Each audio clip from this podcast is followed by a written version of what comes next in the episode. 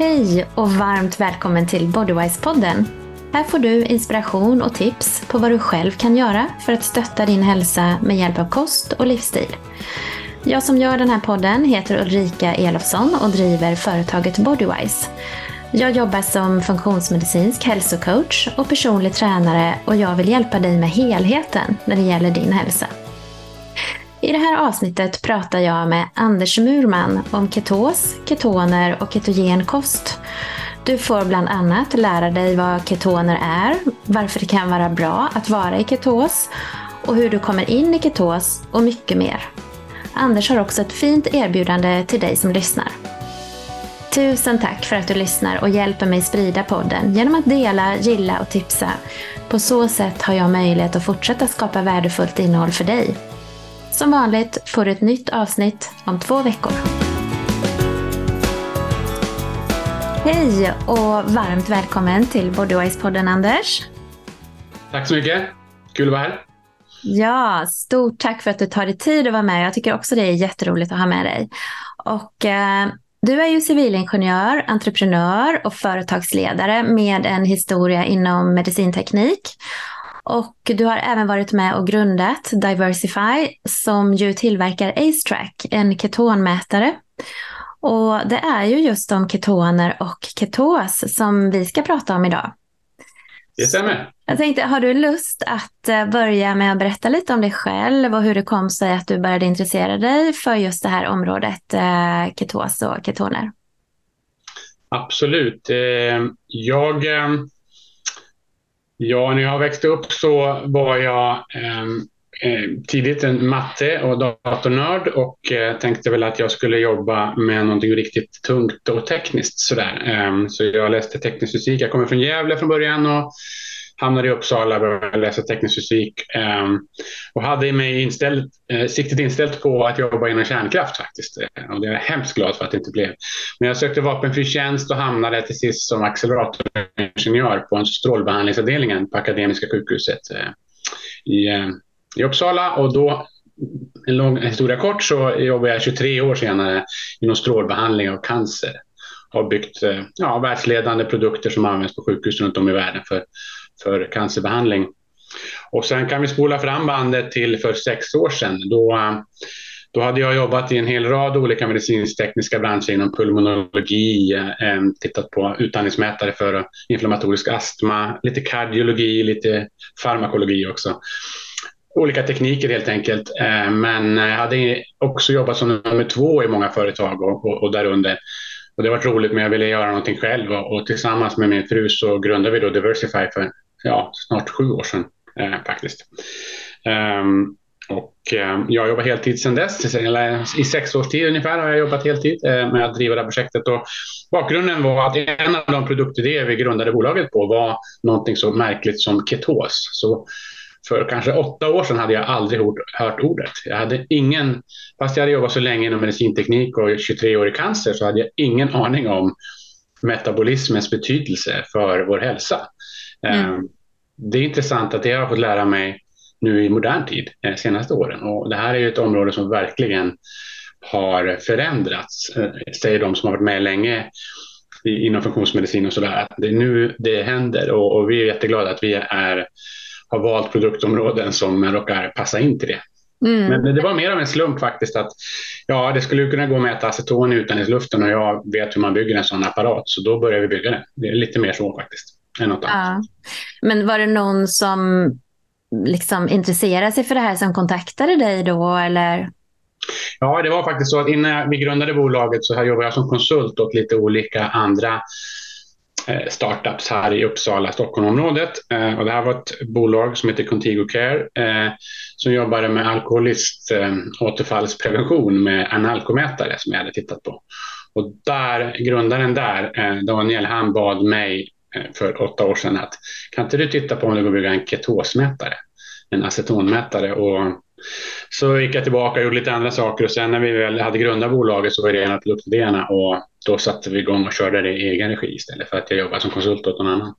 Mm. Ehm, så det är så mycket med, med innovationen, alltså det är en kombination av att man, man pratar med människor, samarbetar och har um, möjlighet och tid och pengar att kanske satsa på projektet. Sen börjar man bygga. Det, det är mer så än att man kommer på det som en, som en smart idé i duschen. Liksom.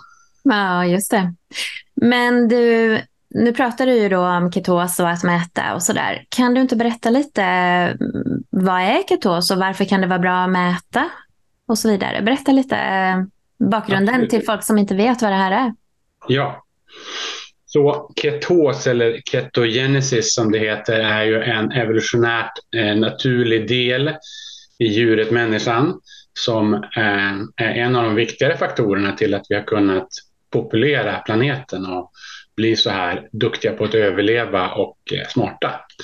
För ketos, eh, och det har ju många andra däggdjur också, men, men eh, djuret människan har den absolut bästa möjligheten att vara allätare. Vi kan driva vår kropp lika väl med kolhydrater, fetter och proteiner. Problemet idag är väl att vi äter lite för mycket av alla samtidigt.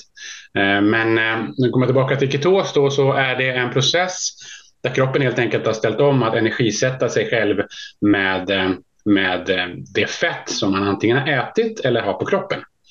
Det, det som hamnar ute i blodfetter. Då. då kan levern bryta ner blodfetterna i ketosen eh, till tre olika molekyler. Eh, och en av dem, beta-hydroxybutyrat, BHB, också kallad blodketoner, är den som energisätter hjärnan och musklerna i princip lika bra som glukos gör. Eh, men med den stora skillnaden att man behöver inget insulin. Eh, så det är en stor fördel. Men det kan man har ju alltid hört att hjärnans viktigaste bränsle är glukos. Alltså ja, det är, blodsocker. Det är en myt. Eh, för det första så behöver inte hjärnan glukos. Tvärtom så skulle jag vilja säga att det är bättre att driva hjärnan med ketonkroppar. Eh, för du behöver inte något insulin. Och insulin i sig är dels fettinlagrande men det är också skadligt, lämnar oxidationer och, och annat, restprodukter på ett annat sätt. Plus att du behöver anstränga, all, all glukos du äter innebär att du får anstränga bukspottkörteln och producera insulin. Så um, det, det, finns, det finns ingenting som är bevisat skadligt att vara i ketos. Ehm, I varje fall då och då. Mm. Och nu nämner ju du insulin och bukspottkörteln och allt det här. Och vi kan ju bara lite snabbt ta hur det fungerar. Alltså så fort man äter någonting med kolhydrater så bryts ju kolhydraterna ner och omvandlas till sockerarter som sen kommer ut i blodet i form av blodsocker. Och då behöver ju kroppen ta hand om det här och då skickar ju bukspottkörteln ut insulin för att kunna lagra in det här blodsockret i muskler och lever då. Precis så är det, exakt. Jag brukar säga att insulinet för, för glukosen och kolhydraterna då, kan man säga, är dörröppnaren, eller den går och knackar på dörren. Och så. Och, um, som en förlängning av det, om man har ätit glukos och drivit sin kropp med det eh, ett helt långt liv så, så utvecklar man efter ett tag någonting som heter insulinresistens. Det vill säga dörrknackningen blir som telefonförsäljare till slut. Till sist knackar eh, insulinet på cellens dörr så ofta så att cellen säger nej men jag lägger av, liksom. jag låser dörren här nu. Jag har tillräckligt med glykogen lagrat här så jag behöver inte mer. Mm. Min kollega Eva Mörk brukar ju kalla det här för att bli energiförgiftad. Det vill säga att vi har så mycket energi i kroppen, även blodfetter, så att till sist så har vi energi överallt och då börjar cellerna liksom protestera. Men, men insulinet är en av de stora problemen, eh, skulle jag vilja säga, för, för mycket av den ohälsa vi ser i världen. Mm. Och det här som du säger, energiförgiftning, det är ju lite av ett problem idag för att evolutionärt sett så har vi alltid varit tvungna att kämpa för vår överlevnad och vi kanske har behövt gå utan mat i perioder men nu har vi ju ständig tillgång till mat så nu eh, behöver vi ju liksom för vår hälsa egentligen gå emot vår evolutionära instinkt som ju är att lagra in egentligen. Exakt så är det. Eh, det är, vi, vi, är inte byggda för att äta var tredje timme, för det ena. Eh, utan evolutionärt så är vi egentligen byggda för att gå i perioder med väldigt olika mat. Jag, vill också, jag brukar påstå att vi är det däggdjur på planeten som är bäst på att både lagra in fett men även, eh, i alla fall historiskt, använda det fett som vi har lagrat in. Eh, och gå upp och ner i vikt. Det, det är mycket logik som talar för det. Vi har populerat hela planeten, alltifrån Grönland till djungeln. Och framförallt i den tempererade zonen så har det ju inte funnits så mycket kolhydrater tillgängligt annat än på höstarna när det fanns frukt och bär. Eh, kanske lite vilt, men, men överlag så har vi ju i, runt jorden ändå levt mycket mer på proteiner och fetter. Eh, och Så när det finns kolhydrater lite korta stunder om året, då har man passat på att lagra om det till fett för att lägga på sig, ungefär som en björn gör innan man går i det. För att klara vintern. Mm. Så, så, så ser det ut. Men nu finns det ju en 7-Eleven i varenda hörn och, och, och ah, det är nästan svårt att undvika kolhydrater. Det skulle jag säga är det stora problemet. Även om man, fast man inte vill äta glukos och, och, och socker så blir det ju lätt så ändå. Ja, okej, okay, så när kroppen är i ketos, då använder kroppen fett som energikälla istället för blodsocker. Då. Men eh, vad är fördelarna med det här då? Ja, men fördelarna med det är ju för det första att eh, att om man driver kropp, alltså egentligen är det, man kan börja med att säga att det är inga nackdelar med att driva hjärna och muskelceller med, eh, eh med ketonkroppar som kommer från fett. Eh, levern är, är som gjord för att omvandla det här. Många kanske har hört talas om att ja, men efter ett tag så på ren ketogenkost så, så kanske man börjar må dåligt. Det finns inga studier som har bevisat det någonstans. Däremot finns det ju massor med man kan säga mycket om nutritionsforskningen, den är ju vad den är. Eh, men det finns ju också många studier som visar på att ketogen kost i sin extrema form eller ens lågkolhydratskost kanske inte lyckas i de här studierna bevisa att det är överlägset bäst. Det är aldrig så att det är sämre, men, men samtidigt lyckas inte visa en jättestor fördel heller i just viktnedgång över tid. För det, många gånger så gör man studierna så och många gånger så går man tillbaka och börjar äta sin gamla kost och så går man upp igen. Jag skulle säga den stora, stora fördelen med att vara i ketos kanske mild ketos ska jag säga, det är att du lyckas göra en livsstilsförändring för gott. Istället för att banta, istället för att göra en insats under tre månader, ställa om sitt liv och se till att vara i ketos tillräckligt många gånger under en månad för att du ändå långsamt ska få mer, bättre metabol hälsa. Och sen kan du däremellan fuska som jag säger eller äta kolhydrater också. Jag gör det hela tiden. Inte hela tiden, jag gör det ganska ofta varje vecka. Och så kommer jag tillbaka, Gå och jobba fram och tillbaka i metabol flexibilitet och då är ketosen en ganska viktig, eller en helt central del att man också hamnar där ibland. Och eh, det ska vi prata om strax här, tror jag, men eh, det, det att komma till ketos kräver inte att man äter ketos, ketogen kost. Det, det vill jag punktera också. Man kan komma till ketos på, på många olika sätt. Mm. Kalorireducering, eh, periodisk fasta, hård fasta, eh, eh lågkolhydratkost förstås. Ja, just det. För nu nämner du ju mycket med viktnedgång och sånt. Jag tror att många känner till ketogenkost just i de sammanhangen, att man vill gå ner i vikt och man kanske gör det då i en till tre månader som du säger. Men nu pratar du ju om att fördelarna av att vara i ketos ut och in, liksom eh, en stor del. Eller ja, att det blir en livsstil helt enkelt. Ja, jag, jag, skulle också vilja säga det. Så det är viktigt. Vi, vi, vi, i alla fall jag och vi på Diversify förespråkar ju inte dieter alls. Man kan äta veganskt eller karnivort eller vad man nu vill. Men jag personligen brukar säga en extremkost ska man kalla det för. Är en, en kost extrem, då får man också bära nackdelarna med det. Eh, men att vara i ketos har inga nackdelar. Det är jättestor skillnad på det. Att vara i ketos, det är, det är som en helt naturlig process. Eh, det har blivit gjorts eh, onaturligt genom att vi aldrig nästan är det med tanke på att vi äter lite kolhydrater varje dag, de flesta av oss. Eh, men det är naturligt. Titta på en, en, ett spädbarn eh, som, som ammar, de är ju i ketos hela tiden.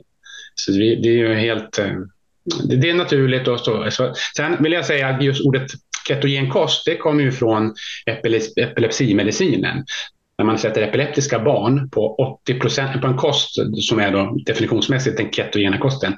80% fett, 20 eh, proteiner, inga kolhydrater. Den är ju en extrem kost och de här barnen eh, kan ju gå av sina epilepsimediciner, väldigt många av dem, och helt enkelt må bra av det.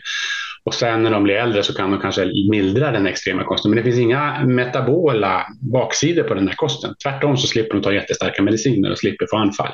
Så, men, eh, men med det sagt så får man väl prova själv vad man vill pröva här för kost, skulle jag vilja säga. Men, men att vi har valt att inte ha ordet keto i vår eh, produkt FaceTrack till exempel. För det handlar inte om det. Vi är ett verktygsleverantör för att kolla när man är i ketogenesis, keto, i ketos. Mm. Eh, inte att vi promotar ketokost, tyvärr. Mm. Eller Tyvärr. Ordet ketokost har kapats lite av eh, de som gör kokböcker. Okej, okay. men en ketogen kost då, precis som du sa innan, det är ju en högfettskost. Mm. Där man drar ner och kanske till och med nollar eller drar ner kolhydraterna väldigt lågt för att hjälpa kroppen då att förbränna fett och använda det som bränsle. Och det är ju jätteintressant det du sa med epilepsi, för det var ju så att man behandlade epilepsi på det sättet innan vi hade bra läkemedel, eller hur? Men... Ja, det är över hundra år sedan man började på 20-talet så, så upptäckte man det här och, och även för vuxna epileptiker. Att mm.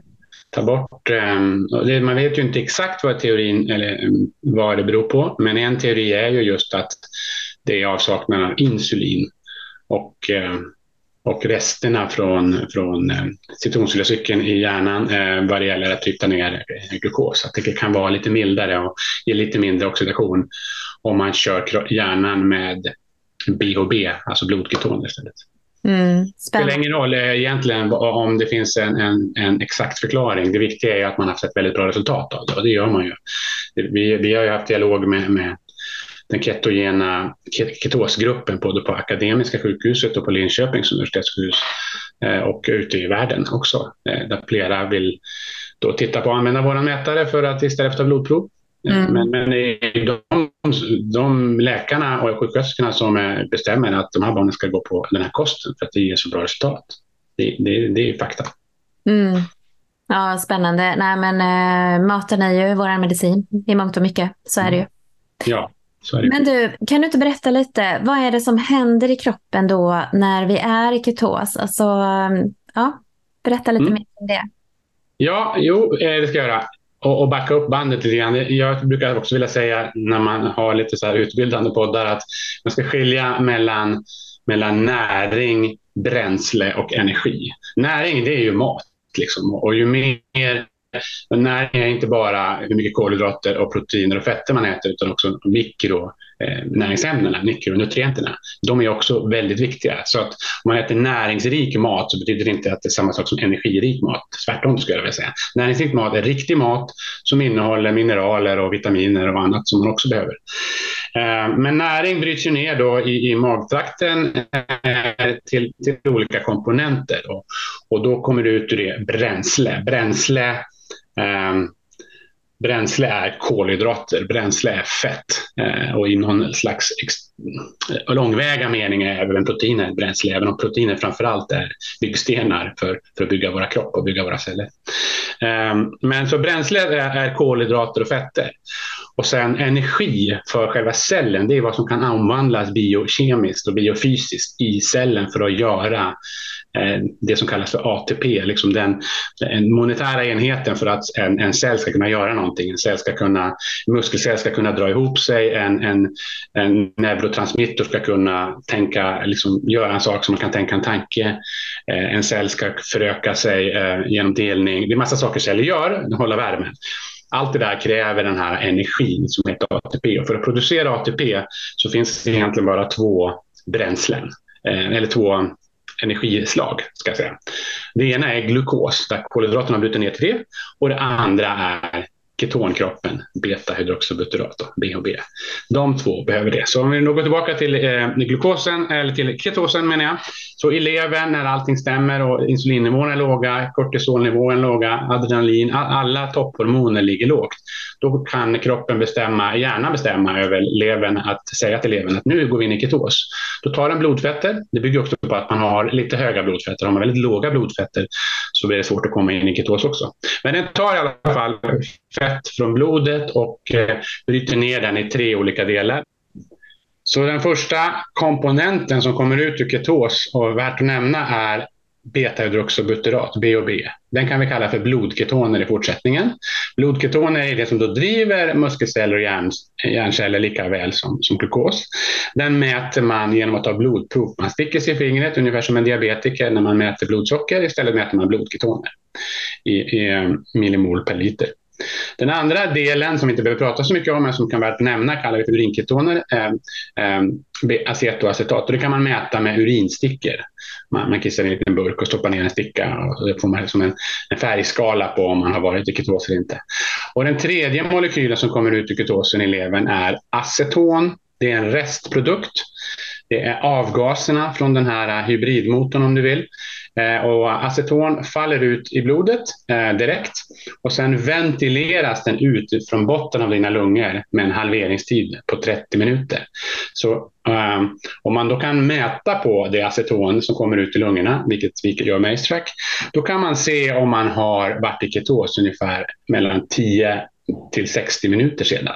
Så um, att mäta på aceton är ingen direkt, det är verkligen som att mäta på avgaserna på bilen. När det kommer ut avgaser på bensinmotorn så, så då vet man att man har varit i förbränt eh, förbränt bensin. Det är samma sak här. När vi mäter på acetoner så betyder det att, att alldeles nyligen har kroppen varit i ketos. Um, mm. Okay. Så är det. Ja, och du sa innan att höga blodfetter behövs för att kunna komma in i ketos. Det här låter ju kanske lite läskigt för folk då. Va? Ska jag ha höga blodfetter? Men kan du förklara lite mer kring det här? Ja, det, det kan jag. Och det är bra att du säger det. Jag ska inte säga att det är höga, men man kan inte ha låga blodfetter i alla fall. Så ska jag säga. Man måste åtminstone ha medelhöga blodfetter. Det behöver ha satts ut så kallade triglycerider eh, i blodet. Och det sker, vi har ju 4000 kunder runt om i världen, så vi har ju ganska mycket data insamlat på att se när folk är i ketos och inte. Eh, och det som är tydligt är antingen behöver du ha fett på kroppen och kommit ur din insulinresistens så att eh, fettcellerna släpper ut glycerider i blodet. Eh, eller fria fettsyror som det också heter. Eh, eller så behöver du äta, eh, konsumera bra fetter eh, genom att du dricker eller äter fett. Då. då har du det dietary fat som heter på engelska. Då kommer det att processas och toppa, sättas ut i blodet och då kan det också vara en källa till att få igång ketosen och fortsätta med ketosen. Mm. Så det kan vara en fördel då i början när man vill komma in i ketos att kanske äta lite mer fett då? Det är precis så det är. Många gånger så är det det som eh, kunder hör av oss till oss och, och så att man kommer inte in i ketosen. och Man behöver liksom slanga igång själva prime the pump på engelska. Eh, själva effekten eh, inte behöver, men för väldigt många, för mig är det definitivt så att jag behöver eh, eh få i mig lite bra fetter gärna på morgonen i mitt fall, så kommer det att ge mig ketos då och då under det närmsta dygnet faktiskt. Mm. Eh, så, så, när jag har eh, vattenfastat några gånger i livet så har jag inte alls varit i ketos. Men när jag bröt fastan sen genom att äta bra fetter, då kom jag in i hög ketos. Så att för, för, i alla fall för mig är det så att man behöver kombinera, och det är inga jättemängder med fett. Man får hälla i en matsked MCT-olja i kaffet eller, eller äta ett ägg med majonnäs eller något sånt. Mm. Okej, okay. ja, för jag kan tänka mig att många som vill använda ketogen kost för att bränna fett, det kanske kan kännas lite jobbigt då att äta lite mer fett. Ja, men det är därför ketogenkost funkar, för det bygger på att, att kroppen, eh, hjärnan till synes verkar hela tiden optimera på vad som finns. Liksom. Om den kommer in i ett läge att säga ja men nu är det väldigt lite kolhydrater, men däremot är det ganska bra med fett och då kanske vi ska ligga i ketos den här närmsta tiden. Och så är man där då. Och då, där ska man försöka behålla sig så att man faktiskt bränner både fett och eh, energisätter kroppen på ett bra sätt. Men sen kanske man kommer in i ett läge, ja men nu är det så lite fett och det är så lite kolhydrater så nu är det svältläge. Då säger hjärnan, Ja, men jag tänker inte offra det fett jag har på kroppen, för det behöver jag in, in the end. Då tar jag hellre och offrar muskelmassa. Och då är ju levern så duktig så den kan också konvertera proteiner till glukos. Så den mm. här levern är ju en otrolig hybridmotor som kan omvandla nästan vad som helst till, till något annat. Och man ska mm. komma ihåg det rent kemiskt är ju en, en fettsyra inte speciellt långt från en, en, en glukosmolekyl eller en, en aminosyra. Så det är inte enormt stora skillnader. Det är, ju samma, det är fortfarande kolväten som vi Eh, jobba med här. Mm. Okej, okay. men om man vill undvika det där då, att kroppen eh, bränner muskelmassa för att, eh, jag menar, att bevara muskelmassa, det blir ju viktigare och viktigare ju äldre vi blir. Så att vi vill ju inte förlora, vi vill ju inte bryta ner muskelmassa, utan vi vill ju se till att det är fett som kroppen använder som bränsle. Hur kan vi göra det då?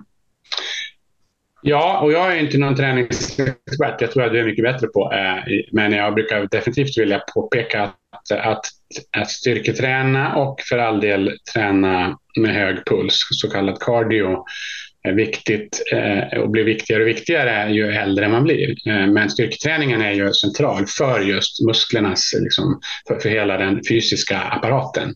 Och för hjärnans hälsa så är det också jätteviktigt att träna så att man, eh, alltså för din mentala hälsa, skulle jag vilja säga. Däremot har det inte så stor betydelse för fettförbränning att träna överhuvudtaget.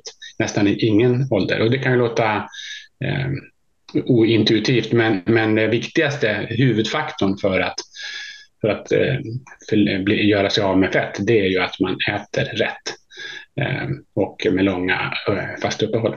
Men det, tillbaka till, till träningen. Jag vet, eh, alltså det, det, det handlar väl helt enkelt om man har en mätare så kan man ju se att när jag borde vara i ketos som jag är det. Men det är flera personer, inklusive mig själv, som har vittnat om ibland att wow, jag trodde absolut det kändes som jag var i ketos och så mäter man och så var jag inte det. Eh, och då är det antagligen för att jag har ätit för lite fett.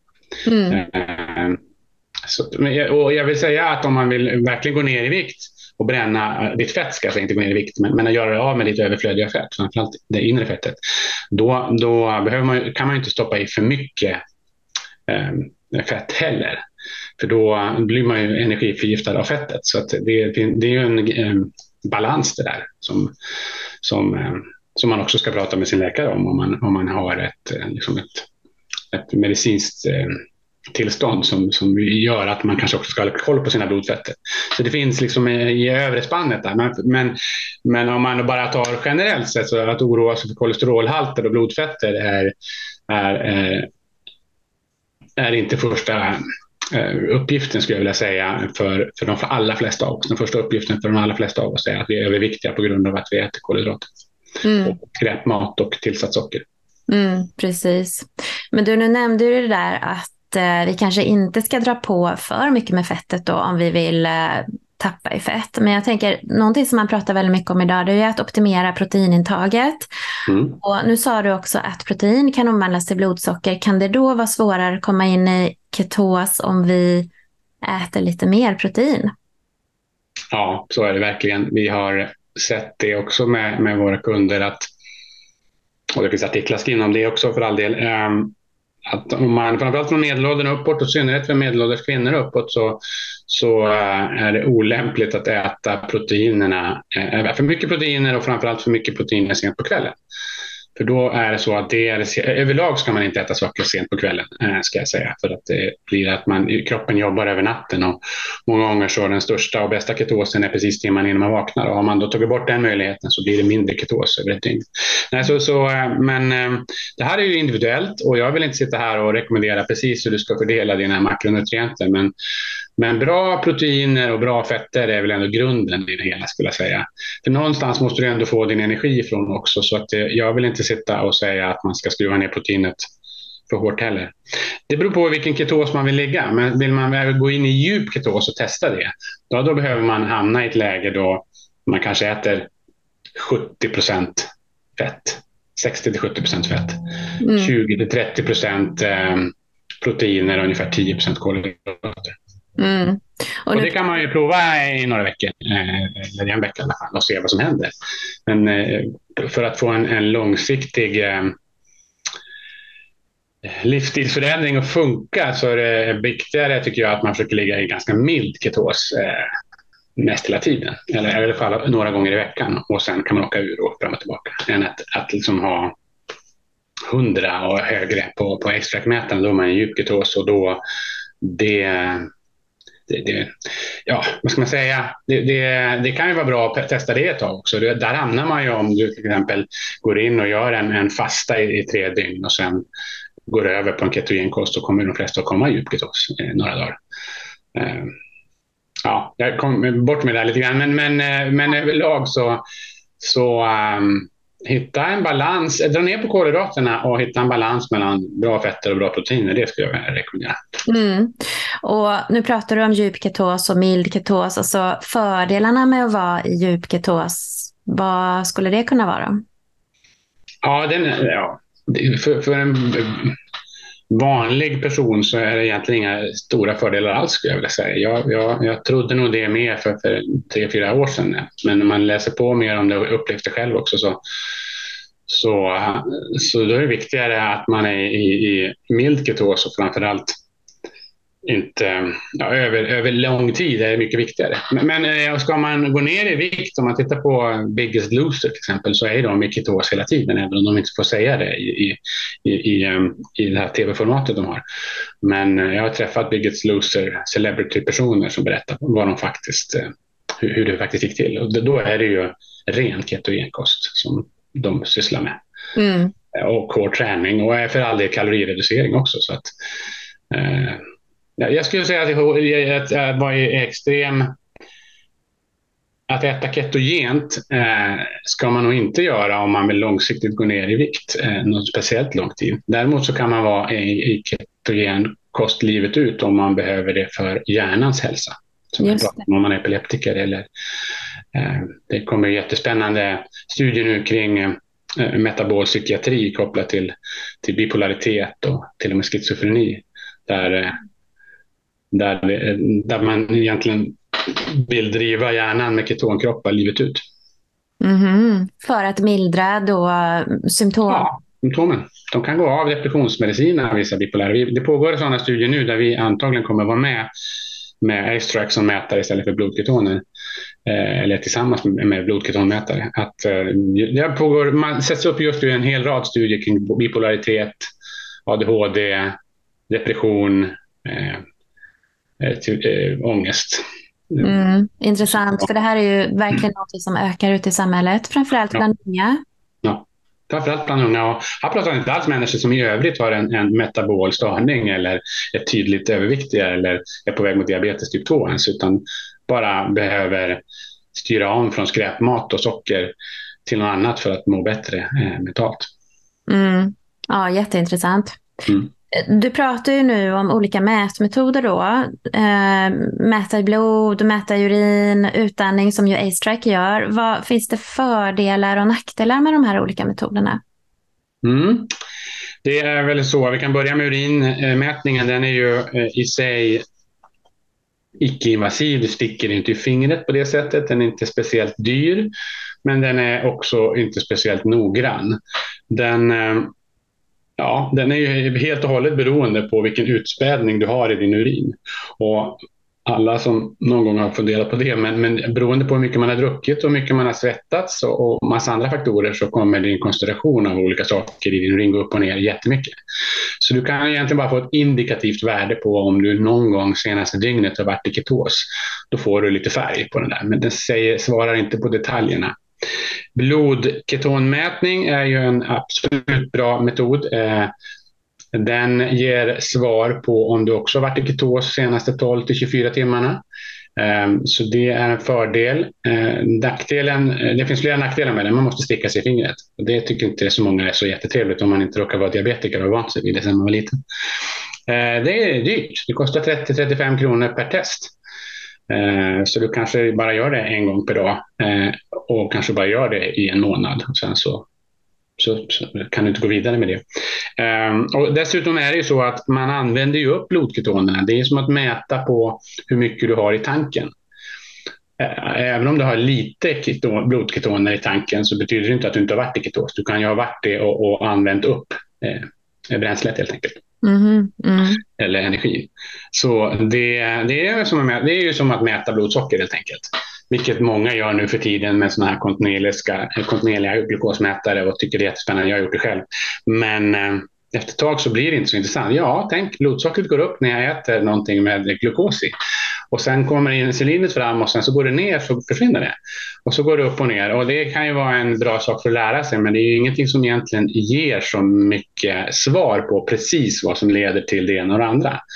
Um, om vi då går tillbaka till blodketoner så så är det ju ännu mer så att det finns inga kontinuerliga blodketonmätare. Så du kan ändå inte mäta massor med gånger om dagen om du inte vill sticka i fingret jättemycket och betala jättemycket pengar. Eh, så du får inte riktigt svar på det.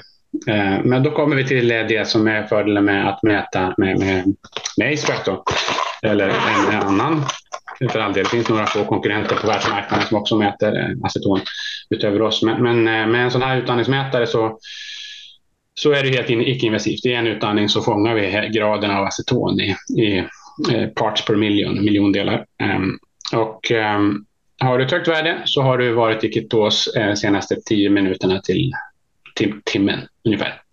Eh, man kommer lära sig ganska snabbt att det här går väldigt mycket upp över dygnet. Även om man tror att man är ketos hela tiden så är man inte det. Det här produceras liksom inte helt och jämnt och fint. Utan det går upp och ner beroende på när på dygnet man är helt enkelt. Eh, sen eh, har den en stora fördelen att som sagt, man kan lära sig detaljer. Jag har lärt mig detaljer. Jag kan absolut inte äta någonting efter klockan nio. Då kommer jag vara ur ketosen morgonen efter. Mm. Och då, eh, jag får inte ha haft en dålig natt. För jag får kortisolpåslag och vakna med det, eller stress då åker jag också ur. Så det är massor med saker som man lär sig som påverkar när man åker in och ut ur ketos. Och man kan mäta hur mycket man vill och i, i, många, många år. Den här enheten som är min privata har jag använt nu i fem år. Den är precis likadan. Det finns mm. ingenting som konsumerar, det är ingen merkostnad. Det är ju en investeringskostnad att köpa en Astrack, vill jag säga. Men du kan använda den väldigt länge och eh, du kan lära dig detaljer som du faktiskt inte kan med att mäta i blodketoner. Just det, för du får ett svar direkt. Har jag tränat? Hur påverkar mm. det mig? Har jag ätit den måltiden? Hur påverkar det mig? Har jag inte ätit? Hur påverkar det? Och även vad du har gjort senaste dygnet. Det ska man komma ihåg. Att om jag, eh, jag, behöver, jag har lärt mig att jag behöver ha eh, gjort rätt i flera dagar, eller i alla fall ett helt dygn innan för att komma i ketos morgonen efter. Det räcker med att en av de här sakerna blev fel, att jag inte rörde mig tillräckligt mycket eller att jag Eh, åt eh, fel eller fel tidpunkt eller var stressad eller så dåligt eller något annat så åker jag ur. Så det handlar om att väldigt mycket ska stämma för att man ska komma in i, i ketos. Och, när man, och dock när man är i ketos och fortsätter med den dieten, då är det ganska lätt att eh, stanna kvar där. Så det här är ett tecken på att hjärnan eh, vill liksom inte hålla på och hoppa fram och tillbaka hur mycket som helst, utan om du kommer in i en viss fas, och evolutionärt var det så att det var säsongsberoende, så här, ja, men nu har vi den här typen av mat, nu har vi ingen mat, nu har vi överflöd av mat. Då ska vi passa på att äta historiskt sett, evolutionärt sett, så att vi klarar oss när det blir dåliga tider igen. Mm. Och det har vi ju tidigare här. Det, det, för oss blir det ju aldrig så att tar slut på mat här Nej.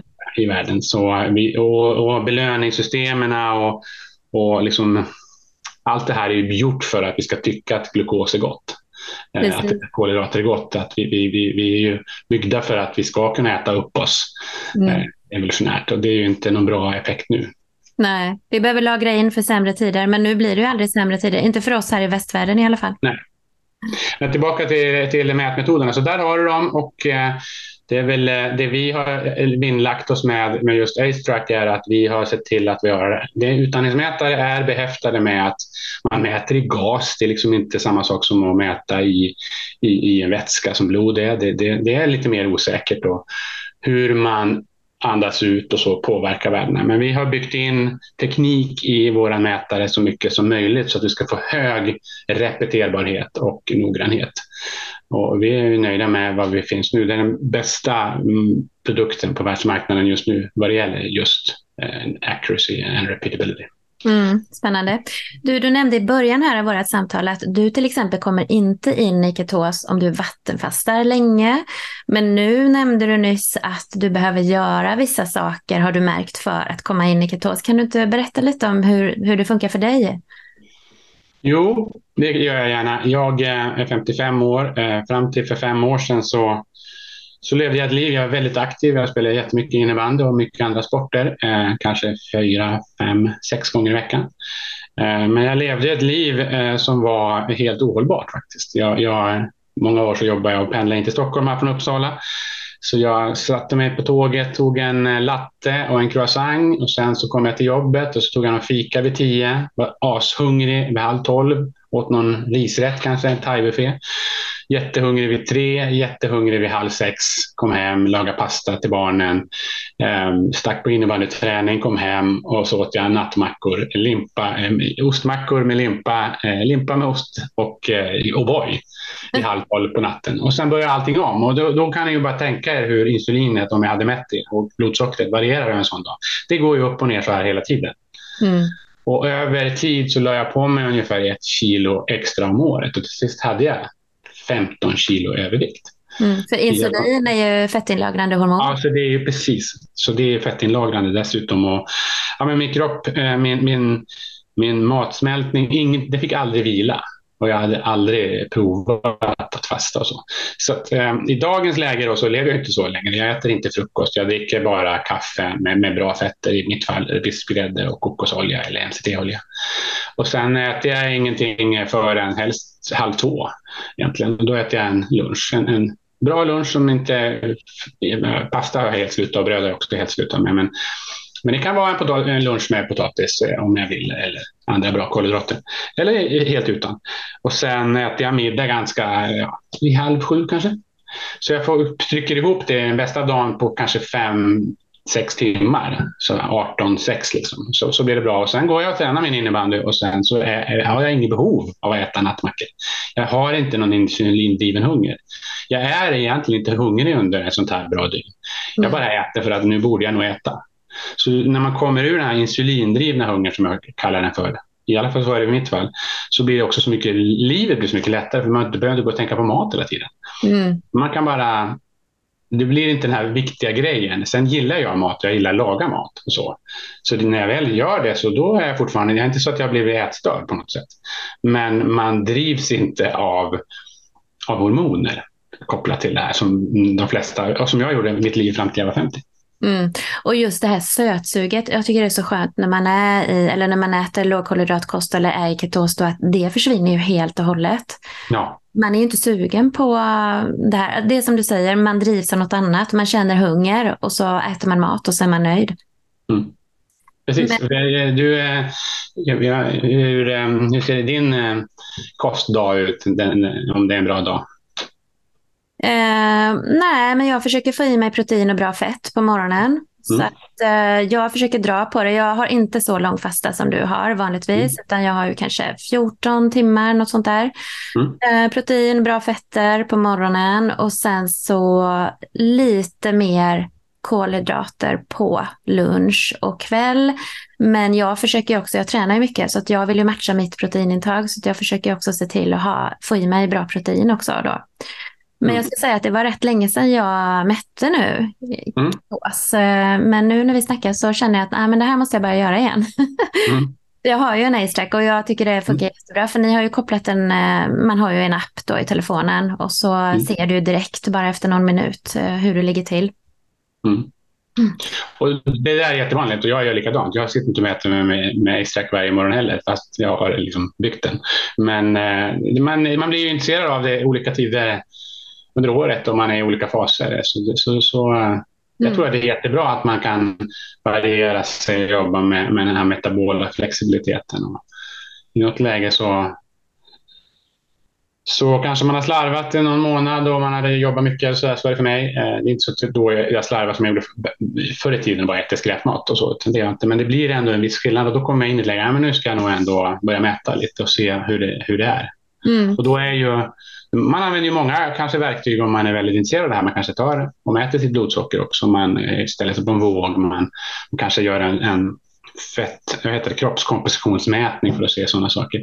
Det, det gjorde jag ju förr, för några år sedan, men nu har jag gått ner så pass mycket i vikt de senaste tre åren så att jag eh, eh mår bra metabolt. Och då då kanske jag har, som jag sagt, eh, eh, jobbat hårt och slarvat i några veckor.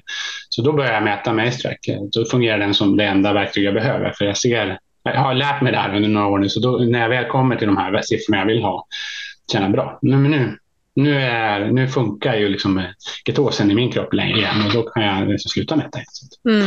Det är ju fördelen med att ha en sån här, den kan ju ligga i byrålådan ett tag och så kan du ta fram den. Ja, precis. Och som du säger, det handlar om att lära sig hur sin egen kropp fungerar. Ja. Men jag tänkte på en sak då när man drar ner så här mycket på kolhydraterna som man behöver göra för att komma in i ketos, då kanske många är rädda för att gå för lågt i blodsocker och så har man hört talas om det här ketoacidos eh, och så. Kan du berätta mm. lite mer kring det? Ja, det ska jag göra och det, det var några, något år sedan jag fick den frågan igen men när jag började med det här så när folk inte riktigt alls hade visste vad den vanliga goda ketosen är. Utan direkt när man pratar med någon som kanske har ett barn som är diabetiker typ 1 eller någon från sjukvården, då associerar man alltid ordet ketos till ketoacidos. Ketoacidos är helt enkelt en till, eh, någonting som bara diabetiker typ 1 kan hamna i. Eh, det kan du inte liksom fasta dig till eh, som en vanlig frisk person. Och en, en diabetiker typ 1 har alltså ingen insulinproduktion, deras bukspottkörtel har lagt av. Så eh, de behöver in, injicera insulin för att eh, ta hand om det blodsocker de får ner sina blodsockernivåer. Ehm, och då är det så att om du injicerar för lite blodsocker, ehm, injicerar för lite insulin, då får du höga blodsocker. Hjärnan blir ännu mer så här, nej, jag vill inte ha så högt blodsocker för det är farligt helt enkelt. Ehm, och cellerna får ju inte in glukosen från blodet. För det finns ingen insulin. Det är den som knackar på dörren. Den knackar inte på dörren. Du har ingen insulin. Så då kommer hjärnan in i ett läge där säger vi verkar inte ha någon energi. Cellerna bara står och skriker till hjärnan, vi behöver energi. Och då, då säger han, då går vi in i ketos också. Och då börjar den gå in i jättehög ketos. Det här har vi testat på sådana som, som har kommit i det här läget. Då kan du ha 300 parts per million eller så. Eh, och, då, då blir du verkligen energiförgiftad. För då har du både hög blodsocker och så får du höga blodfetter och så får du höga blodketoner. Allt samtidigt. Mm. Och då eh, diabetiker 2 faller till sist i koma och till sist dör man ju av det här. Mm. Eh, men det är bara diabetiker typ 1? Men det är bara kopplat till diabetiker typ 1 och eh, som helt enkelt har missat att eh, injicera.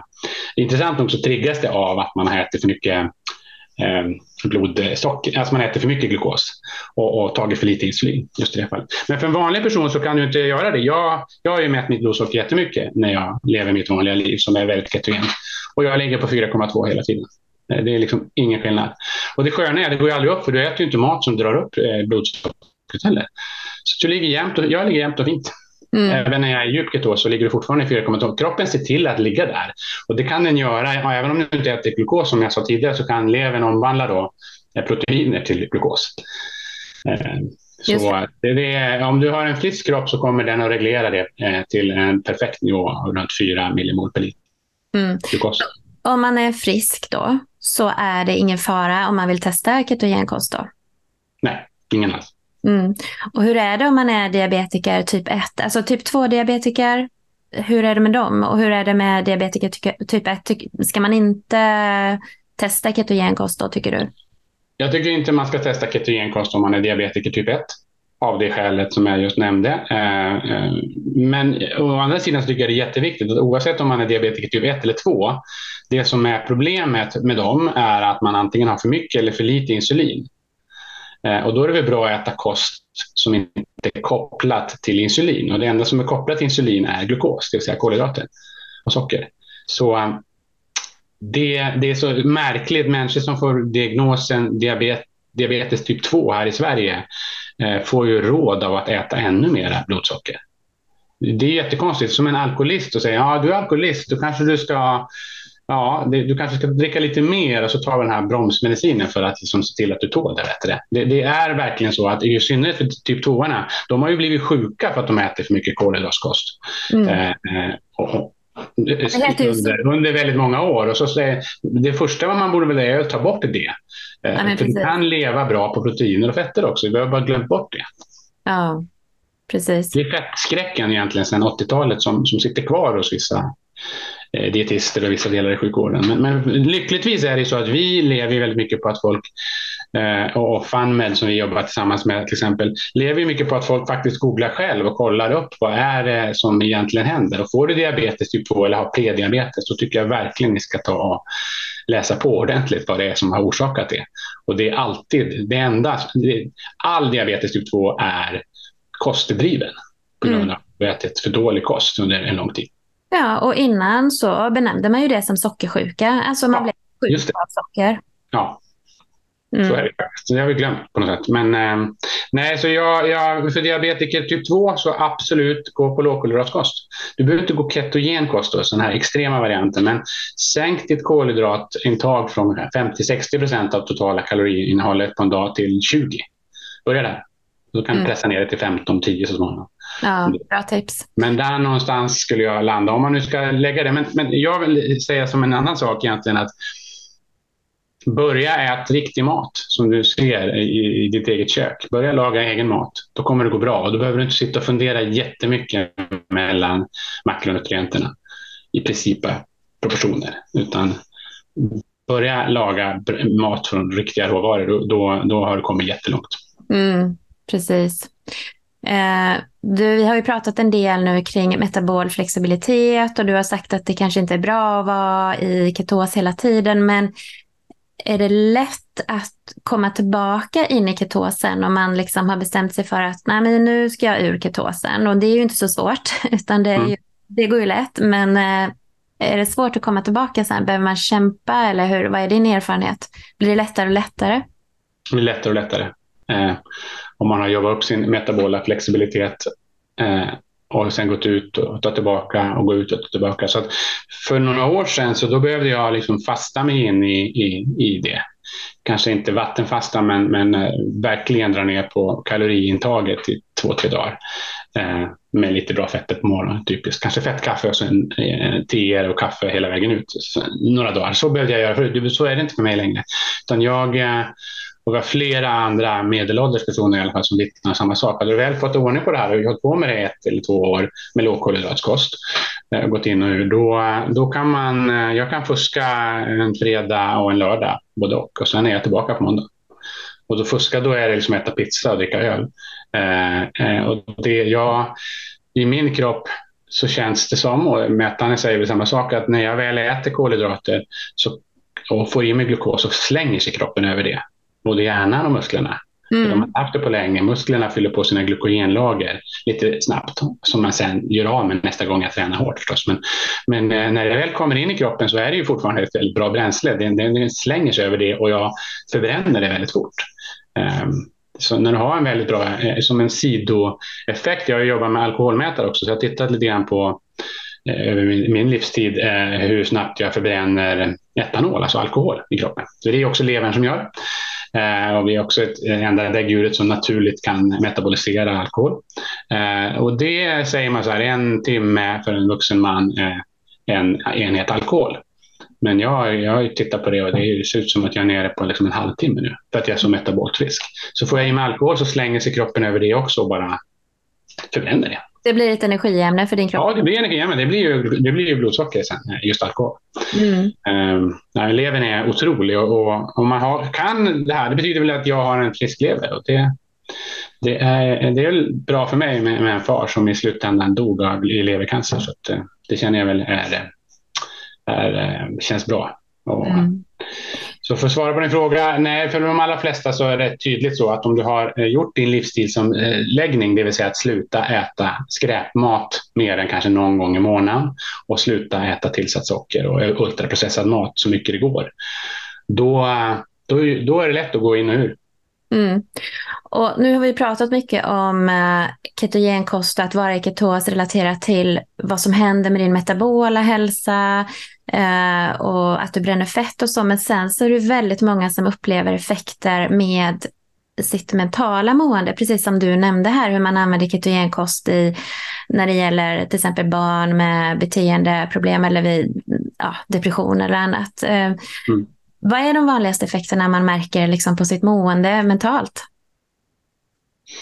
Ja, men ta för någon, återigen, jag kan gå till mig själv och folk i min närhet och familj och så där, som, som inte har haft några diagnoser på någonting men som ändå kan gå upp och ner i hur man mår kopplat till ångest eller kopplat till lite mildare saker men ändå de delarna så, så eh, är det för mig att vara i djupet första gången är ju ganska häftigt för att då känner man det här runners high, liksom att man känner att man är nästan sådär skarp och nästan lite yrslig av att man också är hungrig.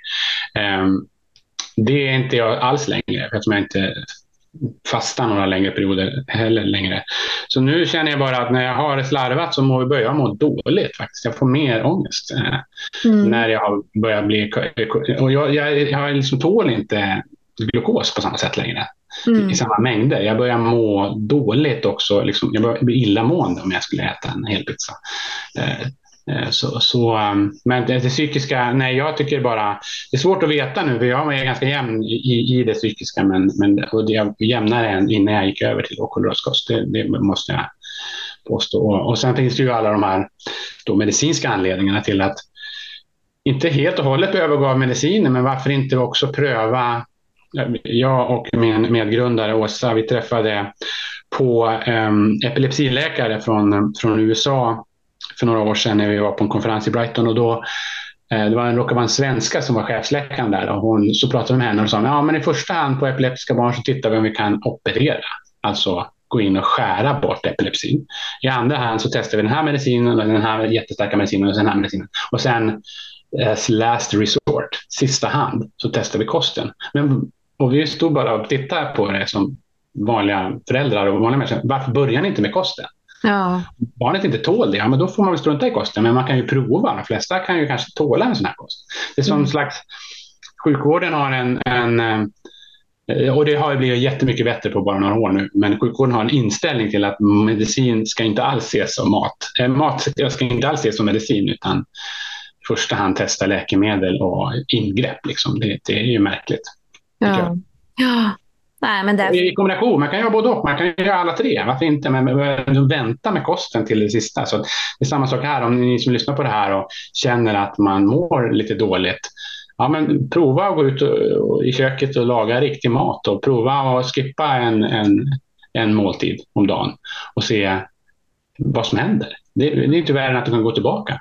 Mm, exakt. Nej, men för många som eh, är i ketos och går på ketogenkost, de upplever ju mycket mer eh, jämn energi, mycket mer klarhet, att man blir lite sådär skarp. Jag måste säga, det var faktiskt någonting som jag själv märkte när jag testade keto, att komma in i ketos första gången. Jag tyckte jag var sådär mm. otroligt närvarande, du vet i samtal med människor. Jag kunde liksom bara ta in precis allting.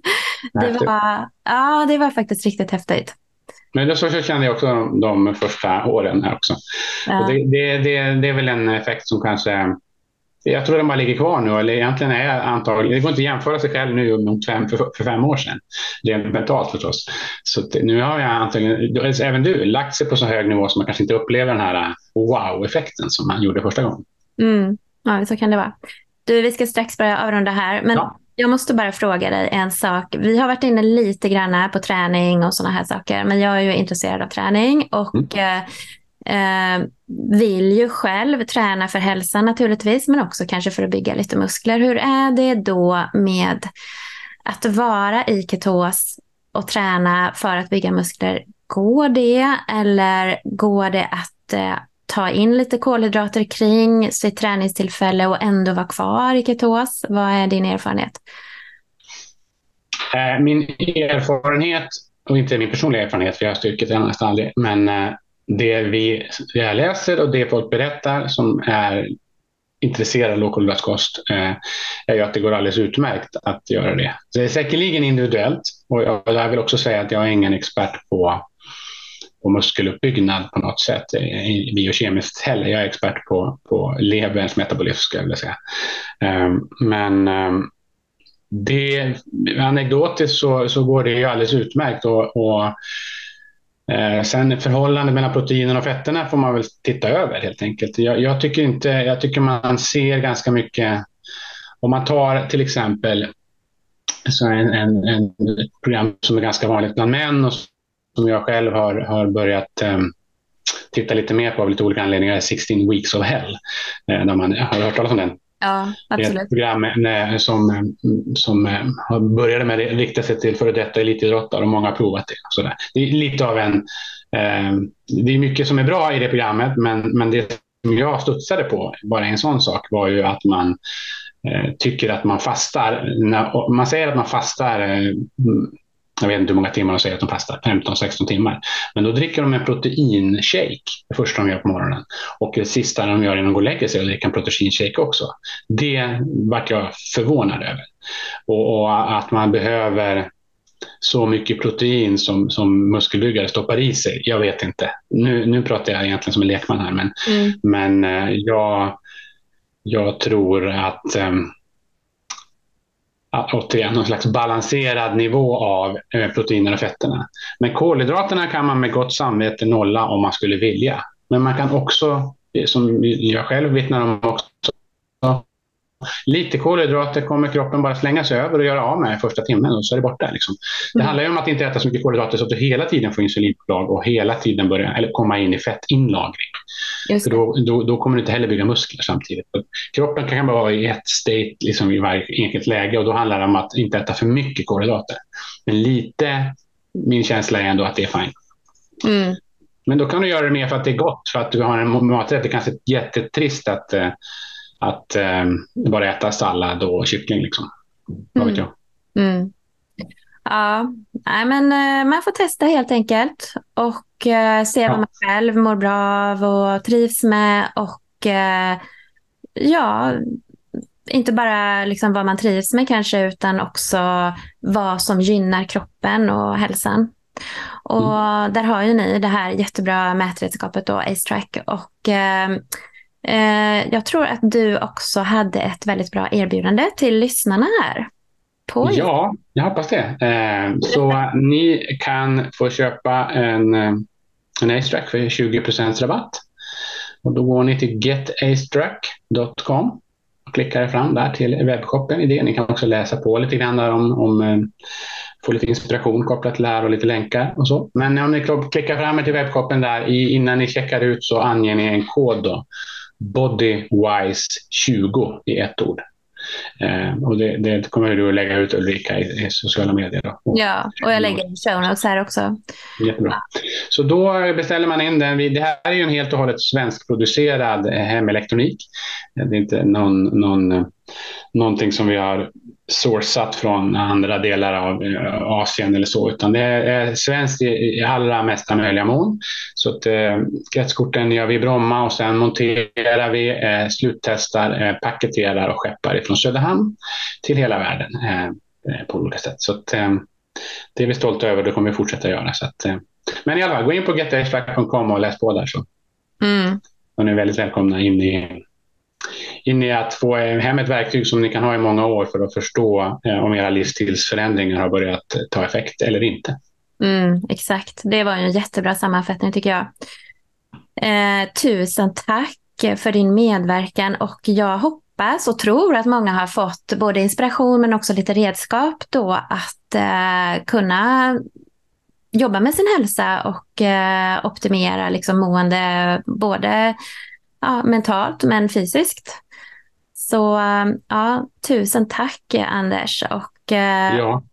Om man vill komma i kontakt med dig, har frågor, är det via sidan GetAceTrack då, eller hur gör man?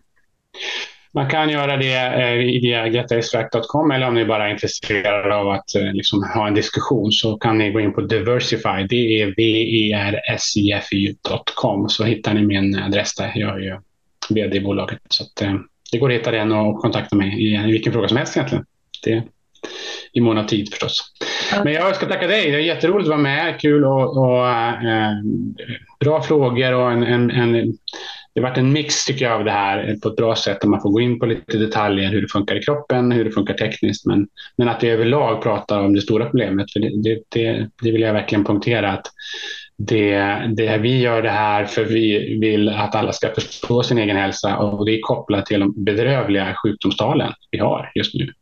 Mm. Och inte bara övervikt och diabetes typ 2 utan på psykisk ohälsa och massor med frågor. Degenerativa sjukdomar, eh, mycket saker som pågår inom cancer som också kopplar till kost nu och så där. Så det händer jättemycket. Jag tycker att alla ska börja investera tid i första hand till att lära sig mer om eh, om att förstå sin egen hälsa. Och vi får väl anledning att återkomma också kanske senare eh, för att eh, göra om det här och prata lite mer om våra utbildningar och saker som du är intresserad av också vad det gäller utbildningar. Mm. Men det tar vi då. Ja, nej, men det hoppas jag. Tusen tack eh, och ja, på återhörande då kanske. Ja, tack så mycket. Mm. Ha det fint.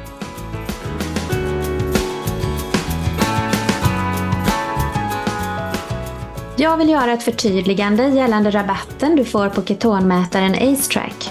Det är 400 kronor rabatt som gäller och du använder koden Bodywise. Anders nämnde 20% rabatt samt koden Bodywise20. Men det är alltså kod Bodywise och 400 kronor rabatt som gäller. Tusen tack för att du har lyssnat på Bodywise-podden med mig Ulrika Elofsson. Dagens gäst var civilingenjören, entreprenören och företagsledaren Anders Murman. Vi pratade om ketoner, ketos och varför det kan vara bra att lära kroppen att vara metabolt flexibel. Hoppas du uppskattade avsnittet. Vill du höra fler intervjuer som denna? Kom ihåg att prenumerera på Bodywise-podden i Spotify eller Podcaster eller via min hemsida bodywise.se. Där kan du också läsa mer om mig och mina tjänster. Ha en fin dag så hörs vi snart igen.